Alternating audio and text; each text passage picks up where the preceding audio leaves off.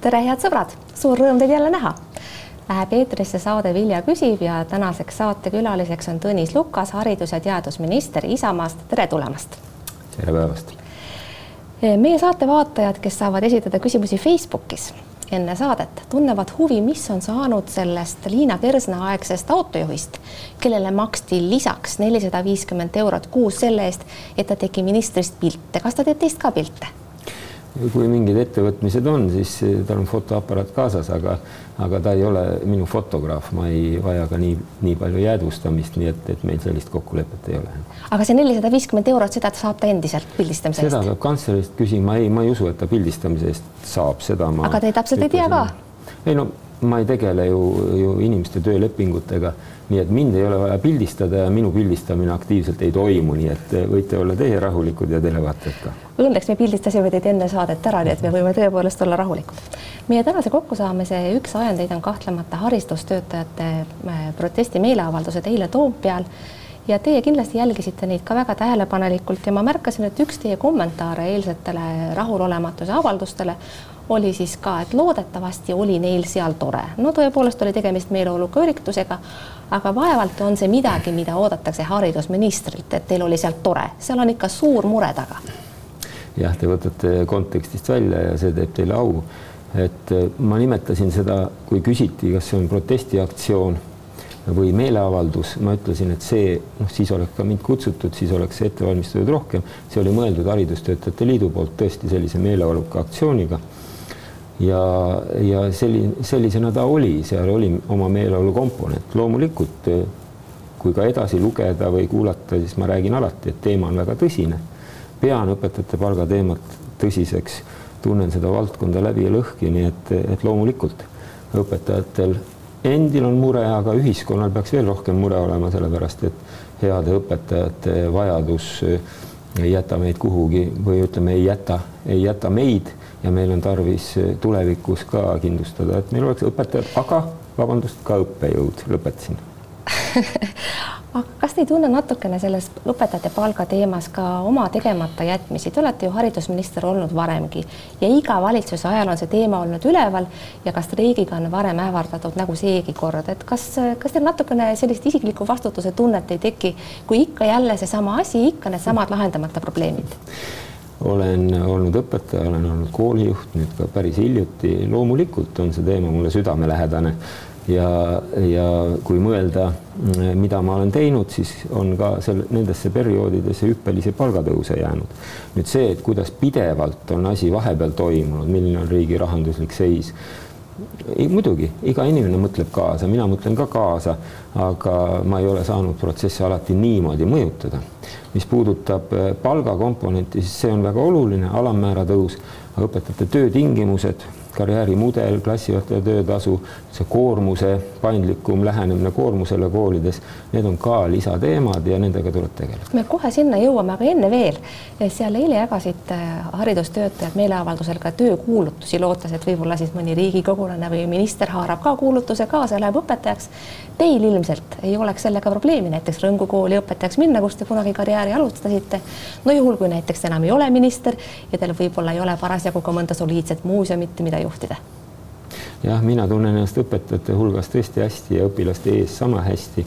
ministrina olen maakonnavisiitidel, palun endale ka endale tunde panna, et neid, neid siis ka õpilaste ees anda, nii et, et jah, ka mulle saatsid minu kursusekaaslased, minu klassikaaslased, kes on praegu õpetajad sealt pilte ja, ja ütlesid, et kas tuled ka, aga noh, see ei olnud niisugune formaat me kohtume Haridustöötajate Liiduga, eile kohtusin Õpetajate Liiduga ja kogu aeg ajan, ajan seda asja, et õpetajatel oleks parem ja motiveeritum oma tööd teha. räägime konkreetsetest numbritest. Te olete rääkinud, et umbes sada miljonit võiks olla see suurusjärk, mida te lähete riigieelarvest taotlema ja sellega võiks siis jõuda sinnamaani, et õpetaja keskmine palk jõuaks kahe tuhande euro peale. kas te saate täna kinnitada, ma saan aru, eelarve läbirääkimised on alles käimas ja lõplikud templid on kokkulepetele alla löömata, aga kas see on see, mida te võite lubada? kaks tuhat eurot keskmiselt, see tuleb mina ei või lubada praegu mitte midagi, ma võin lubada ainult oma äh, pühendumust sellele teemale. ma võin öelda ka, et äh, kaks tuhat eurot äh, keskmise õpetaja palgana on tõenäoline järgmine aasta, järgmisel aastal, aga, aga kui ma praegu hakkaksin midagi välja lubama ja meil on tegelikult homme-ülehomme valitsuses põhimõttelised äh, läbirääkimised eelarve asjus, siis ma käituksin ka ebaausalt nii valitsuse kui Riigikogu suhtes. jah, ma olen pühendunud ja ma loodan väga, et see nii on, et õpetaja keskmine palk tõuseb järgmisel aastal üle kahe tuhande euro kas te olete tuttav Aivar Sõerdi, kunagise rahandusministri mõttekäiguga sotsiaalmeedias, võib-olla on see ilmunud ka kuskil mujal, aga põhimõtteliselt juhite tähelepanu sellele probleemile, et kui nüüd õpetajate palk tõuseb keskmiselt kahe tuhande euroni kuus, nagu te lubate või loodate saavutada, siis tekib see olukord, kus suureneb hüppeliselt ka nende tulumaks. Ja ma ei hakka neid konkreetseid summasid siin ette lugema, aga see tulumaks tõuseb nii märkimisväärselt, et tegelikult see osa palgatõusust, mille õpetajad juurde saavad, võtab riik teise käega tagasi. kas te olete selle peale mõelnud ja sellega arvestanud, et äh, eriti kus praegune inflatsioon on nii kõrge, siis iseenesest see tulumaksu näol tagasivõtmine võtab vist suure osa õpetajate rõõmu siiski maha, juhul isegi kui te saavutate oma eesmärgid. ja aga tulumaks on siiski ühiskonna nii-öelda rahastamise ja eelarve komponendina niisugune kokkulepe, et seda me ei saa valdkonniti hakata varieerima aga loomulikult on, on see, kui õpetajate palk tõuseb, äh, tulevikku suunatud asi, mitte ainult eelarve täitumise mõttes, vaid tegelikult õpetajad koolis kindlustavad selle, et meil üleüldse mingi ka majanduslik tulevik oleks, oleks riigil. et see on tulevikku vaatav asi, mis puudutab üldse õpetajate palga nii-öelda eesrindlikkust või kui õpetajate palk tõuseb, siis tegelikult hakkavad tõusma ka teised palgad seal ümbruses, nii kooli tugipersonali, teenindava personali, omavalitsuste, ka lasteaiatöötajate palgad. Ja, ja selleks kõigeks on, on, on vaja meie kõigi maksuraha, aga loomulikult õpetajate palk, reaalpalk peab tõusma, ma mõtlen no, pidanud... reaalpalga tõusu loomulikult, ma ei mõtle ainult mingeid numbreid, millega kedagi rahustada ma mõtlen reaalpalga tõus. no mida ma silmas pidasin Sõerdile viidates ja mida tema pidas silmas, oli õigupoolest see meie praegune maksusüsteem, kus selline tag tagurpidi astmeline tulumaks, et nad jäävad sinna maksuküüru kanti. et loomulikult ei arva ei Sõerd ega mina, et õpetajad tulumaksu ei peaks maksma kuidas ikkagi saab minister kaasa aidata ka sellele, et õpetajad, kes põlevad läbi või kes ei, ei jaksa koolis kanda seda tohutut emotsionaalset koormust ja, ja sellist intellektuaalset raskust, mida see töö endaga kaasa toob, et nad ei et nad ei satuks sellesse olukorda, kus neil öeldakse arsti juures, et vot olete see tüüpiline hulluks läinud õpetaja, missuguseid tugisüsteeme te paralleelselt välja pakute? mulle meeldib äh, Isamaa juures see, et lisaks sellele, et me lubame sada kakskümmend viis protsenti äh, õpetaja keskmist palka võrreldes,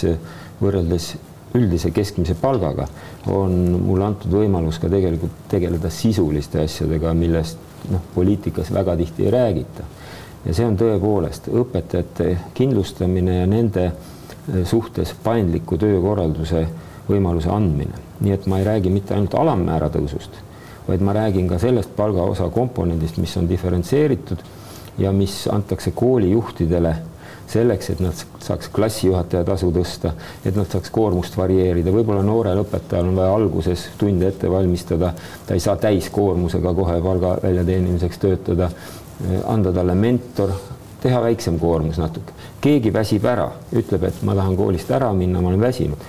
direktor peab saama öelda, et aga võta vaba poolaasta, puhka või me teeme sulle väiksema koormuse. et see komponent peab ka olema, nii et tõepoolest hariduses on palju niisuguseid detaile, millega tuleb tegeleda ja karjäärimudel, mis noh, mitte minu ehmatuseks, aga, aga kahjuks on vahepeal ära kadunud, sest siis, kui inimene taotleb kutsestandardi järgi järgmisi tasemeid meisterõpetaja, vanemõpetajast okay. palga, palgakasv ei kaasne.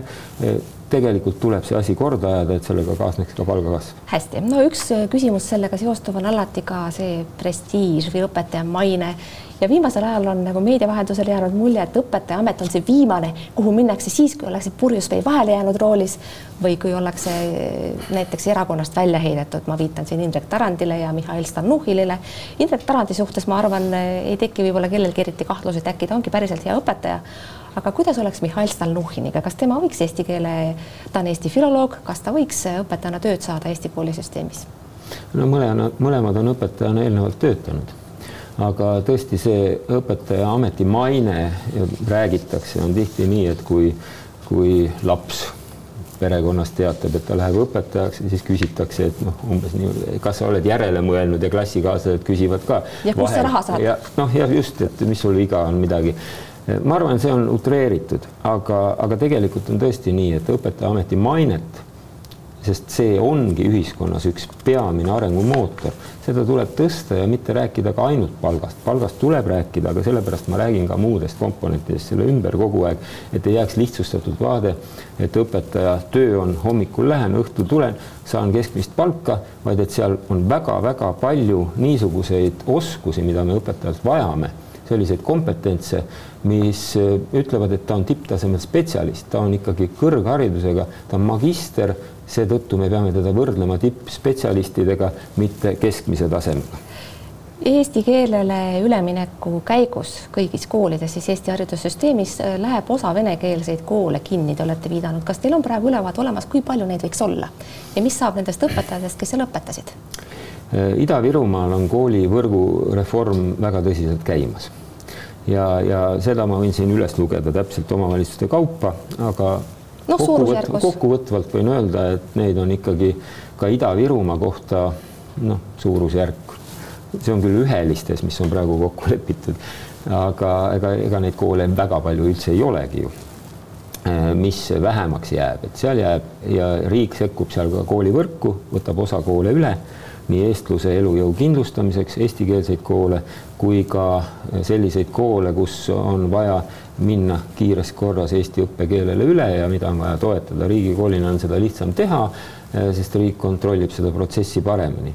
Palju... mingi koolireform peaks toimuma eh, tegelikult juba ammu, on oodata ka Tallinnas, Tallinn ei ole seda läbi viinud ja ma loodan, et nüüd, kui siin on kokku lepitud riigigümnaasiumide tegemine, lisaks paneb see käima ka siinse koolivõrgu reformi. kui palju on neid Garanžaa tüüpi koolijuhte, kes eh, kohe üldse, kellele kohe üldse see eesti keel külge ei taha hakata? selliseid koolijuhte ma ei ole kõigiga otse suhelnud, aga ei peaks rohkem olema. ja olen suhelnud ka mm, nüüd viimase kuu jooksul Äh, venekeelsete, praegu veel venekeelsete koolide koolijuhtidega, äh, kes räägivad väga hästi eesti keelt, tunnen neist osa ka juba eelmistest perioodidest. Mm, tähtis on keelsuse kõrval ka meelsus. Mm, ma loodan, et me saame äh, neid motiveerida ka, et nad oma tööd jätkavad, kui nad ei tule kaasa riigi pandud eesmärkidega, siis võib neil sellega olla probleeme, aga praegu nad näe, näivad olevat motiveeritud, et nad saavad aru, et eesti õppekeelele on vaja üle minna, nad näevad seal muidugi raskusi, võib-olla isegi rohkem kui tavaline Eesti haridustöötaja, aga need raskused tuleb ületada paljudel lapsevanematel, rääkimata lastest endist, on tekkinud küsimus nüüd Ukraina sõja taustal, Vene-Ukraina sõja taustal, et miks meil endiselt on koolis see vene keele õpetamise maht nii suur. ja no minul on muidugi kerge vastata, et lastele näiteks või siis ka teistele lapsevanematele, kui me seda arutame et sellel on väga lihtne põhjus, need õpetajad on olemas, aga et väga palju keerulisem on tekitada koolis võimekusi õppida hispaania keelt, prantsuse keelt, saksa keelt, mida iganes, neid võimekusi lihtsalt ei ole. millal need valikuvõimalused võiksid suureneda?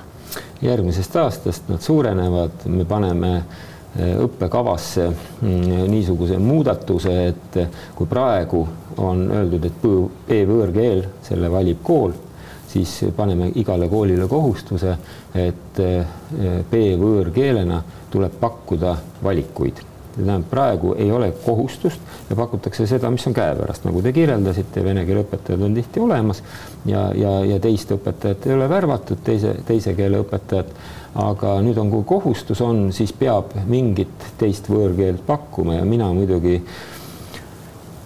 ka eluaeg eh, olen, olen arvanud, et Euroopa on mitmekeelne ja, ja propageerin ka väga Euroopa keeltest prantsuse ja, ja saksa keelt, aga lõpuks on meil naabrite keelte oskust ka vaja, ka rootsi ja soome keelt, miks mitte läti keelt, nii et vene keel võiks olla üks, mida võib valida, aga mitte kindlasti ainuke. Seda on mul rõõm kuulda, et valikuvõimalused mitmekesistuvad ja eriti hea meel on mul kuulda, et te ka teiste võõrkeelte tähtsust rõhutate sest ma oleksin järgmisena pööranud sellesse, et miks te tegite sellise kummalise postituse sotsiaalmeedias ja teatasite, et Haridusministeeriumi kodulehel võõrkeelte osakaal väheneb. ja mina mõtlesin kohe, et Lukas on ikka täitsa sõgedaks läinud, mida ta küll sellega mõtleb, et ja ausalt öeldes, ega see paistiski nagu vilets välja, justkui te arvaksite, et võõrkeelte oskus on midagi halba või et teiste keelte oskuse piiramise arvel läheks eesti keeles kuidagi paremini, seda te ometi ei mõelnud, ega? ma kohtusin just eh, mõni päev tagasi Eesti Keelenõukogu liikmetega, kes on peamiselt professorid ja on väga haritud inimesed, on õpetlased. Eesti Keelenõukogu on ette valmistanud eh, eesti keele arengukava, mis on ka vastu võetud valitsuse tasandil Riigikogus heaks kiidetud, kus on kirjas, et avalikus ruumis, avalikus inforuumis peab olema ka ülekaalukalt eesti keel kasutusel, see tähendab kõiki informatsioonilõike me ei pea dubleerima. Eesti riigis, ei meie riiklikud ettevõtted ega ka riik ei pea dubleerima vene ja inglise keelde. praegu on tekkinud vahepeal mulje, et peab neid dubleerima, muidugi vajalik info välissuhtluseks kriiside vältimiseks peab olema ka teistes keeltes, aga seda infomahtu tuleb just eesti keele arengukavast lähtudes muuta ja ei seda tea, ma, selle ettepaneku ma tegin. see tundub ikkagi suhteliselt veider, sest sealt edasi on ju võimalik täitsa mõelda, et võib-olla Lukas tahaks äkki piirata võõrkeelse kirjanduse lugemist või äkki piirata võõrkeelt õpetamist, et see oli ikkagi selline natukene ksenofoobne samm, mida ei mõistnud ka valitsuspartnerid, miks te seda tegite? totter nägi ju välja. Te räägite kohalviibijast kolmandas isikus, ma ütlen ka, et Kiisler pingutab siin üle, sellepärast et, et mina näen kõrghariduse osana ja üldse ühiskonna osana võõrkeelte oskust väga olulisena. ja, ja ka nõukogude ajal ei olnud minu kõrghariduses näiteks eestikeelseid allikaid, vaid olid saksakeelsed, ladinakeelsed, nii edasi. see on loomulik, et me peame suhtlema, mida rohkem me võõrkeeli teame, seda parem ja, ja selle juurde ma jään ja kindlasti edendan ka võõrkeelte õppimist koolides nii palju, kui on minu võimuses see kõlab hästi, sest sellesama viidatud teate puhul, teate, tuli mul meelde üks Urmas Vadi novell, selle pealkiri on Küla, ma ei tea, kas olete lugenud, aga seal on niimoodi, et külas elavad kõik luuletajad ja luuletavad siis nõnda, et nad ise mitte midagi muud ei loe, see on neil lausa keelatud. Ja kui kellelgi leitakse padja alt Borleeri kurja lilled, siis karistatakse teda sellega, et mitte keegi temaga rääkida ei tohi ja temaga suhelda. Et äh, sellist olukorda te ilmselt siiski Eesti kultuurile ja eesti keelele ei soovi. Baudelaire'i olen ma ise ka lavalt prantsuse keeles lugenud ja peast muide. nii et, et kui ma kuulen teie juttu ja käsitlust sellest asjast, siis mul tulevad ka meelde mitmed novellid. aga seda Urmas Vadi viidatud novelli olete lugenud?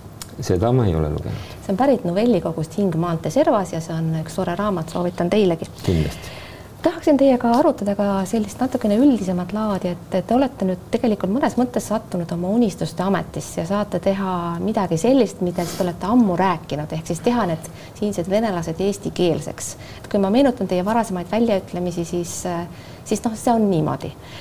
kas te olete vahel mõelnud selle peale, et kui nüüd teie ametiaeg ministrina saab läbi järgmine koalitsioon ei, ei ole võib-olla päris selline, nagu te praegu loodaksite või tahaksite ja võib-olla teie ei ole minister, siis need suured plaanid jäävad teil kõik pooleli ja ja, ja võib-olla te neid eesmärke, mida te olete endale seadnud ka isiklikult, ei õnnestugi täita. no ühiskond liigub üldiselt selles suunas, nagu Isamaa on programmis ette näinud. ja, ja kui mõelda ka päris algusest, kui, kui põhiseaduslik vabariik kehtestati, siis alguses peeti meid veidrikeks, aga, aga tegelikult on täpselt nii läinud ja mitmed asjad loomulikult on ka koalitsioonipartneritega, erinevate partneritega erinevad tingimused ja vahepeal pole ka Isamaa valitsuses olnud, aga nii palju, kui mina olen seal olnud, nagu on Isamaa olnud, oleme me eestikeelset hariduse asja edendanud. tegelikult on näiteks gümnaasiumides eesti õppekeelele üleminek olnud periooditi ikkagi väga tõsine teema, kaasa arvatud välispoliitiliselt Venemaa ja Eestimaa vahel. mind on ka laulu sisse pandud, on tolnud, toimunud vene koolides pikette ja asju. Need on ületatud. praegu on ühiskonnas õnneks kokkulepe, et enamus, ka parlamendiliikmed on valmis toetama seda üleminekut.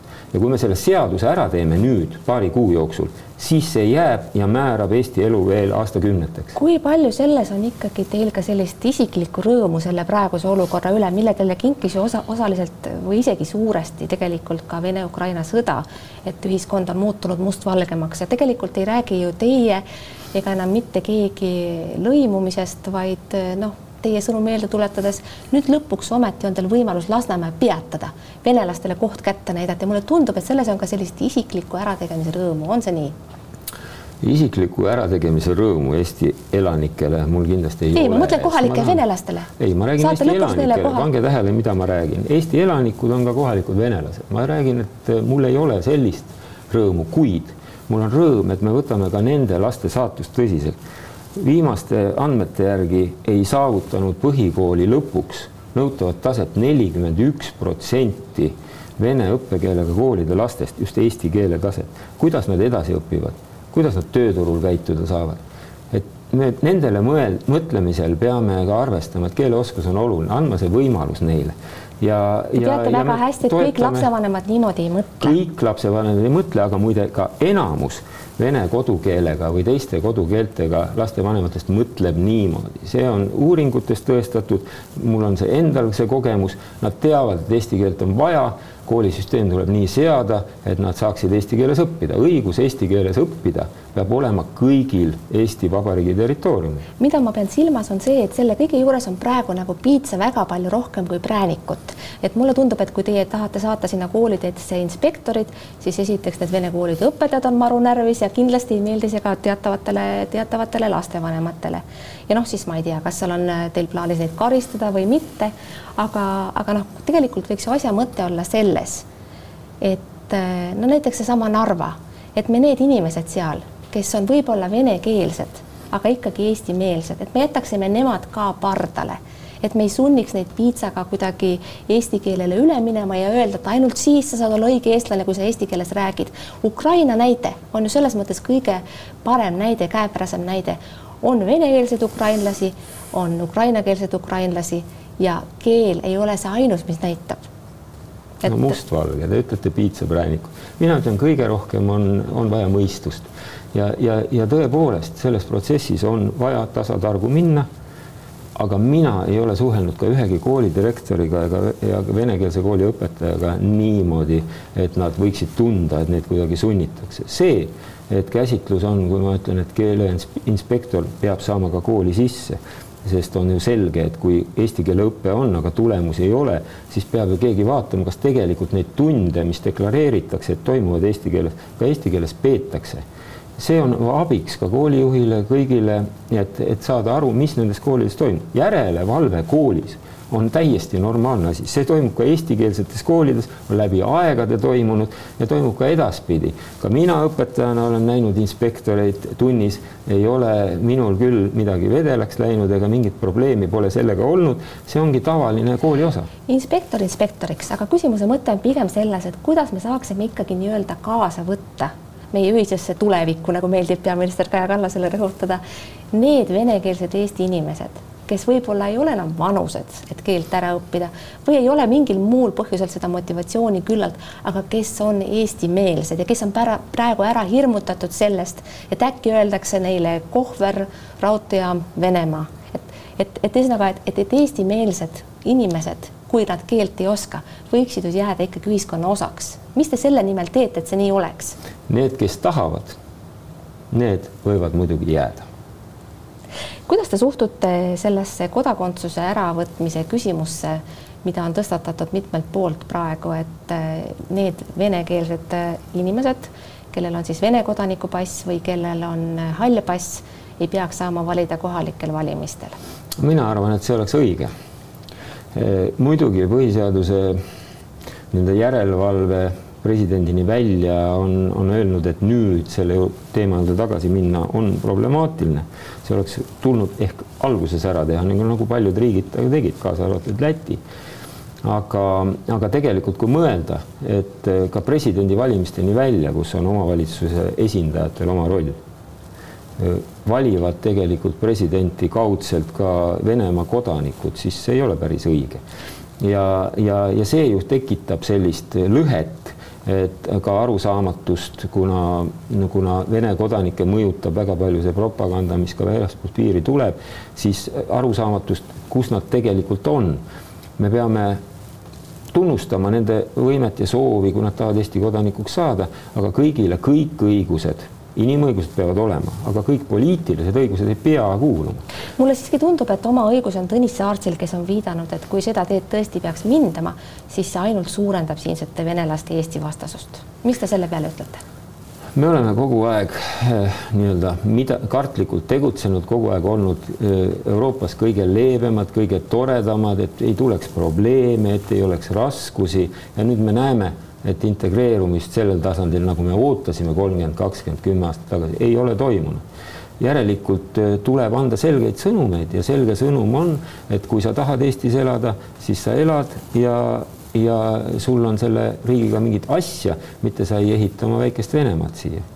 Tõnis Lukas, ma tänan teid kogu südamest selle jutuajamise eest, head sõbrad, aitäh, et te vaatasite vaadake järgmist saadet ikka jälle, see on järgmisel nädalal, elage vahepeal hästi, kuulmiseni ja nägemiseni Thank you.